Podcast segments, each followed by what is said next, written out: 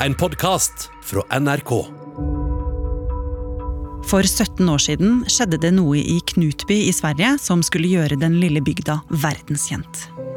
En ung kvinne var blitt funnet skutt og drept i sin egen seng mens hun sov. Og bare noen få hundre meter unna var en mann blitt funnet hardt såret, også han skutt. Ofrene tilhørte en liten kristen menighet, med den norske pastoren Helge Fossmo som en av lederne. Og da politiet begynte å undersøke saken, avdekket de en giftig cocktail av religion, ekstrem sosial kontroll, sex, makt og nå altså drap. Utført på kommando fra Gud. Kvinnen politiet mener skjøt, og som selv har innrømmet at hun gjorde det, har aldri snakka med journalister. Før nå. I en ny HBO-serie. Ville aldri dø. Ville ikke det. Og det hun har å fortelle, er med på å så tvil om hva som egentlig skjedde den skjebnesvangre natta.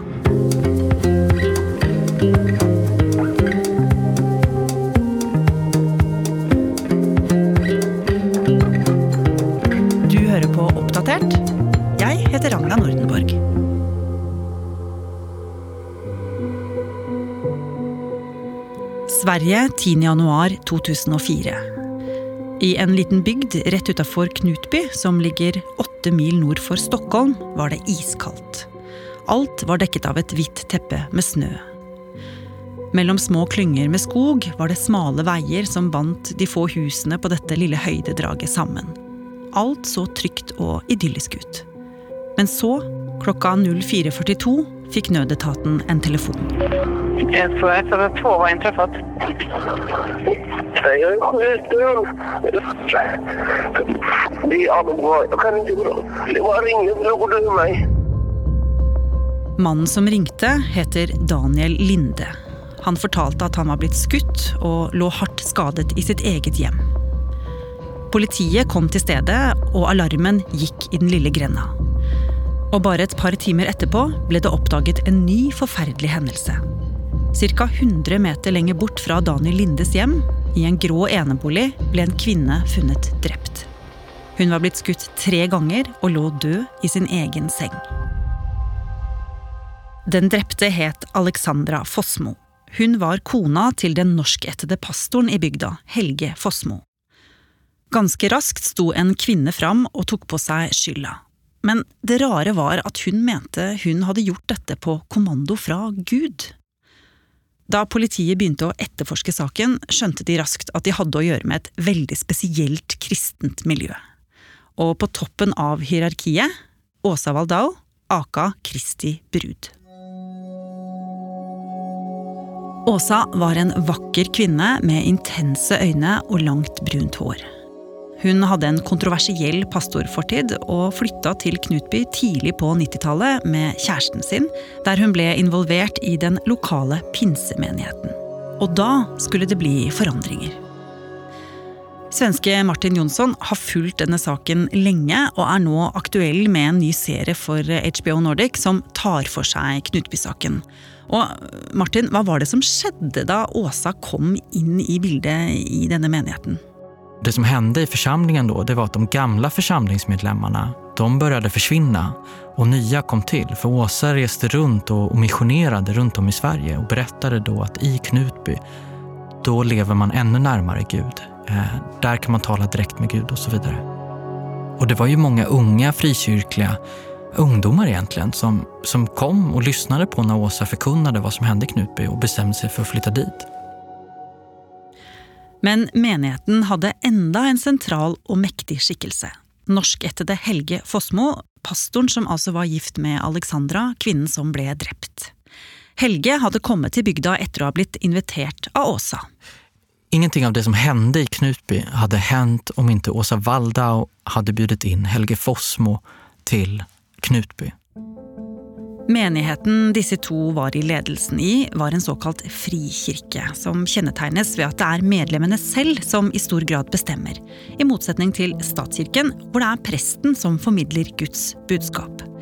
Men i Knutby skulle det gå veldig mye lenger enn det som var vanlig i frikirkemenigheter. Just det. For at Helge og Åsa kommer fram til at Åsa, hun er Jesu brud eller Kristi brud. Och det innebär i princip att hon är universums drottning. Så när Jesus kommer tillbaka till jorden, då är det till Åsa han ska komma. Og siden menigheten i Knutby mente at Åsa, altså kvinnen med den sterke utstrålingen og det lange, brune håret, hadde direkte kontakt med Gud, så hadde hun jo også rett til å bestemme over de andre, Martin. Hvordan utspilte den makten seg? Åsa såg ju den här världen har människor beskrivit för som ett dockhus där hon kunde liksom placera människor i olika delar av hemmen. Eh, och, eller liksom placera människor i ett annat hem eller flytta människor från något där de bor och så bytte man liksom. Hon kunde bestämma då vilka som skulle få ha sexuella relationer, vilka som inte skulle få ha sexuella relationer. Så det var ju en total kontroll över deras liv. Politiet avhørte raskt Helge Fossmo, siden det tross alt var kona hans som var drept i deres felles hjem. Helge mente at han ikke hadde noe med drapet og drapsforsøket å gjøre. I stedet pekte han på en mulig annen gjerningsperson. Hans tidligere barnepike, Sara, som var en del av menigheten. Men Sara hadde blitt bortvist kort tid i forveien pga. en alvorlig hendelse. Hvorfor det, Martin? För att Sara Svensson har några månader tidigare försökt att ha ihjäl Alexandra med en hammare. Sara tvingades lämna församlingen och försvann. Och det är då henne som Helge pekar ut. Og Martin, politiet pågrep Sara dagen etter. Just det. Och då håller man ett, ett, ett första förhör med henne. Um, som egentligen bara är ett informationsförhör, men det pågår under många, många timmar. Hon gör det också utan försvarsadvokat. Och där då hon säger att jag har gjort det här, men jag gjorde det själv. Och då misstänker polisen direkt att om en person erkänner direkt och erkänner dessutom att han gjort den själv, att kanske finns det någon mer inblandad. I tillegg til den kvinnen som nå er pågrepet, tror politiet i Uppsala det kan finnes ytterligere én gjerningsmann i saken. Helge Fossmo nekta jo for å ha noe med drapet og drapsforsøket å gjøre. Men siden drap jo ofte skjer i nære relasjoner, mistenkte politiet ham likevel, og begynte å avlytte ham. Og politiet fant ut at Helge ringte forsikringsselskapet til sin avdøde kone for å spørre om hennes livsforsikring. Skandaliv. Hei sann, jeg heter Helge Fossmo. Hei. Hei. Jeg ringer eh, för att jag har eh, en livförsäkring på min fru och nu har hon avlidit. Ja, vi ska titta. Har du hennes personnummer? Eh, det har jag 800527. Och hon har avlidit? Ja, Oj, vad ung hon var. Og de mistenkte raskt at et motiv for å drepe kona Alexandra kunne være økonomi. Men politiet mistenkte også at det kunne være noe mer. For når det gjaldt det andre offeret, Daniel Linde, fant politiet gjennom avlytting ut at Helge hadde en seksuell relasjon med kona hans, Anette Linde. Og dette mente politiet kunne være et motiv for å ønske å rydde Daniel av veien. Og Martin, dette med sjalusi og lidenskap, eh, var det det som eh, lå bak? Det är mycket som faller liksom på plats där. Helge vill ha bort Daniel eh, för att han vill vara tillsammans med Annette och då måste man göra sig av med Alexandra och Daniel. Och då är ju bara frågan, hur kan han ha lyckats övertala Sara att göra det här? Och vad är Saras motiv? Og hva var det egentlig Sara, altså kvinnen som hadde avfyrt skuddene, hadde å si? Hon har fått anonyma sms som hon kallar det. Där hon då har fått uppmaningar som hon tror är från Gud att utföra de här gärningarna. Och de här smsen, de menar hon ska vidarebefordrats från Helge. Så Helge ska ha fått anonyma sms från Gud som han skickat till Saras telefon som har gjort att hon då utfört de här gärningarna. Helge Fossmo og Sara Svensson var altså politiets mistenkte i saken. Og de mente også at det var tvilsomt at meldingene Sara skulle ha fått videresendt fra Helge Fossmo, var fra Gud. Ja, det, jag har skickat sms till Saras telefon men jag har inte fått eller vidarebefordrat anonyma sms. Du vidhåller det? Det vidhåller jag. Politiet mente at det var Helge Fossmo som hadde sendt disse meldingene til barnepiken Sara anonymt for å påvirke henne til å drepe Helges kone og Daniel Linde. Men hvordan hadde Helge Fossmo fått Sara Svensson med på en slik plan? Etter hvert kom et mulig svar. Kunne det være at disse to også hadde hatt et seksuelt forhold, lurte politiet. I starten nekta de to for det, men så kom det fram at jo, også disse to hadde hatt et seksuelt forhold. Det er bare det at Helge er jo gift med Alexandra. Og Alexandra er jo Åsa Waldaus syster. Så at under en period då när det här pågår som mest intensivast så, har ju alltså, så är ju Sara och Helge uppe på nätterna i Helges och Alexandras sovrum och ber för Åsa men har också då sex. Samtidigt som Alexandra då, Åsas syster, får sova på soffan. Men etter hvert så ebba jo dette forholdet mellom Helge og Sara ut, og hva var det som skjedde da? Helge innleder da en relasjon med Daniel Lindes fru istället. Till det här då så ska man ju komma ihåg att Helge har ju också en sexuell relation med Åsa. Så han har en sexuell relation med, med Åsa, han har en sexuell relation med Sara, han är gift med Alexandra och han inleder en relation med Anette. Men likevel så mente altså politiet at Helge Fossmo kunne ha manipulert Sara til å forsøke å drepe sine tidligere venner i menigheten. Og seinere i januar ble både Sara Svensson og Helge Fossmo siktet for drapet på Alexandra Fossmo og drapsforsøket på Daniel Linde. Rettssaken kom opp våren og sommeren 2004. En sak som skulle ryste hele Skandinavia. Få av de som kom ut fra rettssalen i Uppsala i dag, kunne la være å kjenne seg rysta over Sara Svenssons forklaring. Hun fortalte om et tilvære preget av massiv hjernevasking og utnytting, utført av pastor Helge Fossmo. Og da så sier Helge at ja, men i dette fallet så vil Gud anvende deg. Det skal skje gjennom deg. Rettssaken endte med at Sara Svensson ble dømt til tvunget psykisk helsevern. Helge Fossmo ble dømt til livstid i fengsel for medvirkning til drap og drapsforsøk. De anonyme tekstmeldingene Sara hadde fått, som hun tolket var fra Gud, og som presset henne til å drepe, mente retten kom fra Helge. I dommen sto det at Sara hadde tatt seg inn på soverommet til Alexandra Fossmo og skutt henne mens hun sov. Først et skudd i hofta, og deretter to mot hodet. Etter det skal Sara ha gått bort til nabohuset og skutt Daniel Linde to ganger. Ett skudd i ansiktet og ett i overkroppen.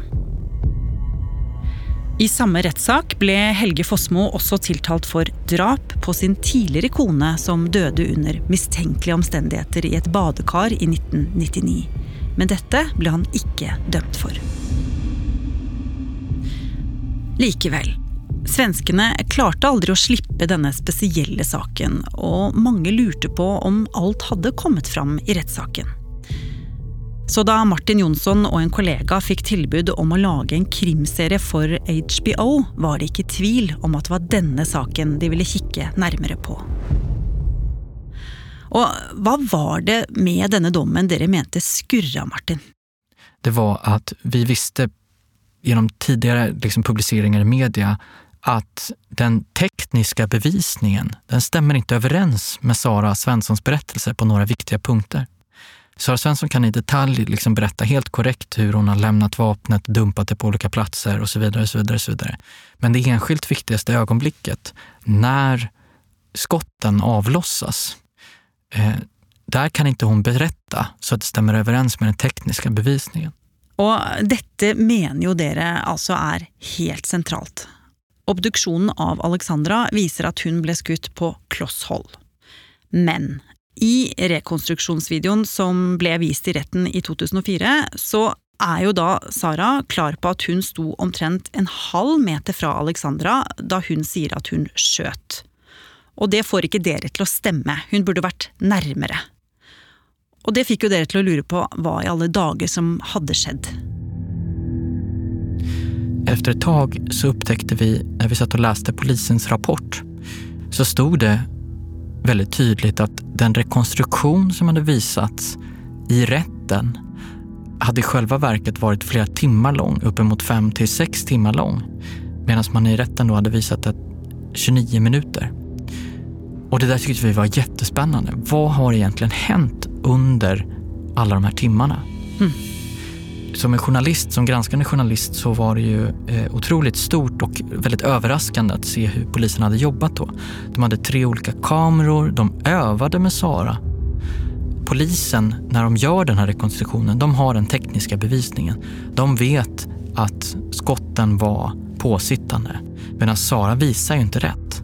Så gång på gång på gång övar man det här och Sara får ändå inte till det. Och till slut kommer de med direkta uppmaningar till Sara att hon inte ska vara rädd för att gå nära och stå och peka med hela sin kropp och så vidare. Så att det är ju otroligt problematiskt då att åklagare och alla poliser som är där på plats väljer att korta ner det här till någonting annat där man visar upp en helt annan bild av, av Sara. Och där ska man då också säga att de poliserna säger ju idag att det var en väldigt dålig rekonstruktion. Ja. Så dere mente da, etter å ha undersøkt dette, at politiet kunne ha oversett viktige detaljer, og dere ønska å finne ut mer.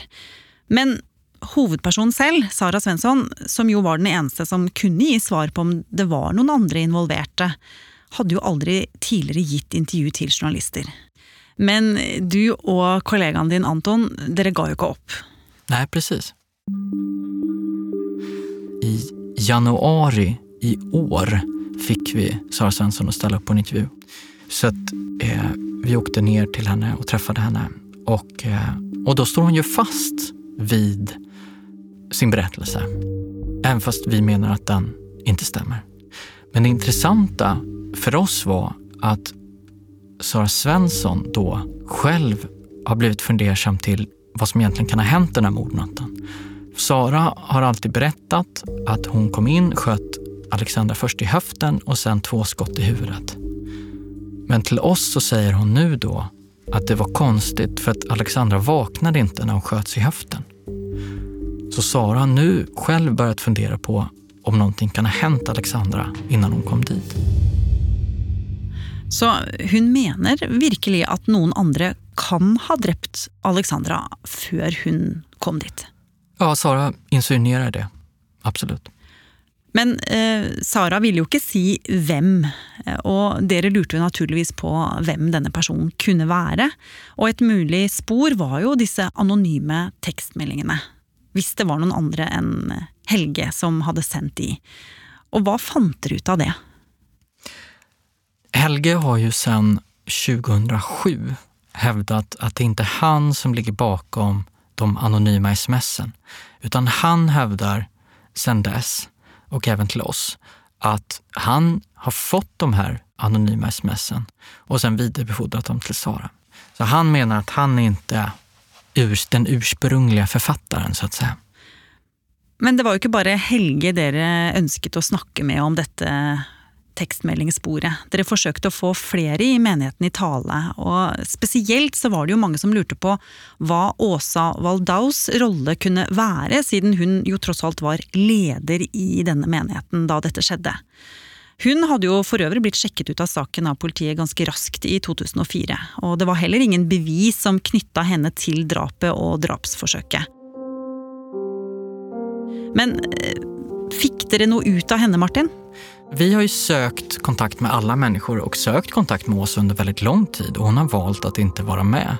Och allting som vi har liksom framfört till den här serien har ju Åsa varit medveten om så hon har ju fått höra av allting alla människor har sagt. Och hon har ändå valt att inte medverka. Och då har ju, hon har ju däremot ställt upp väldigt, väldigt många gånger i intervjuer tidigare så då har vi liksom balanserat upp den berättelsen med tidigare intervjuer så för att försöka få en så balanserad bild som möjligt. Men likevel, i den nye dokumentarserien om Knutby-saken så lanserer dere altså teorien om at det kan ha vært flere involverte i mordet på Alexandra i 2004. Ved altså at Sara forteller at hun syns det er rart at Alexandra ikke våknet da hun ble skutt i hoften. Og Martin, hvorfor stiller Sara disse spørsmålene i dag, altså 17 år seinere? Det här är människor som, som har varit hjärntvättade. Och de experter som vi har pratat med menar ju att det tar lika lång tid att bli fri från sin hjärntvätt som man har varit inuti sekten. Så det är alltså först nu som Sara har liksom börjat fundera över vad, vad var det egentligen som hände den här natten? Och vi menar ju att det, det finns ju kanske fler personer som har varit med om samma hjärntvätt som kanske om några år också själv kommer börja fundera över vad som händer den där natten. Och kanske lägga ytterligare pusselbitar. Så att allting kanske inte är helt uppklarat än. Ok. Martin, dette er jo en sak veldig mange mennesker i Sverige bryr seg om og følger. Og dere har jo da vist at politiet gjorde en dårlig jobb i etterforskninga. Og dere planter jo da ideen om at det kan være flere involvert i saken enn den som ble dømt. Og hva skjer videre egentlig med Knutby-saken nå? Där ska man ju komma ihåg att, att våran uppgift som grävande journalister är ju liksom att granska maktmissbruk. Vi har ju granskat maktmissbruk i sekten och vi har granskat det här maktmissbruket som det ändå är när polisen tar sådana här genvägar. Vad som händer härnäst, det kan inte riktigt vi ansvara för. Men jag vet att eh, Helge och hans advokat håller på att titta närmare på det här.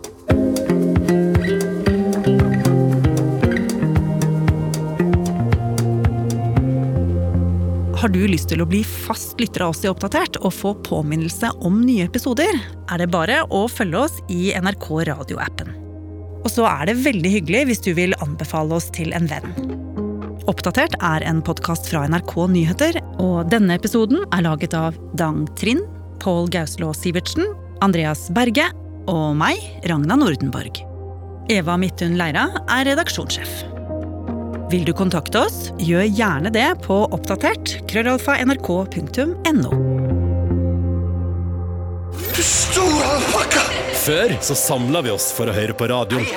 Nå lytter vi på hva vi vil, når vi vil, og mest for oss sjøl. Podkast fra NRK. Vi lytter for å fylle ventetid, bli underholdt, oppdatert og litt klokere. Vi lytter for å la oss bevege av sterke historier. Eller bare av musikk. Så selv om mye har forandra seg, er det viktigste som før. Podkast og radio samler oss. For selv om vi nå lytter mest for oss sjøl, er vi aldri aleine når vi hører på. NRK Radio vi hører sammen. Hør podkaster og din NRK-kanal i appen NRK Radio.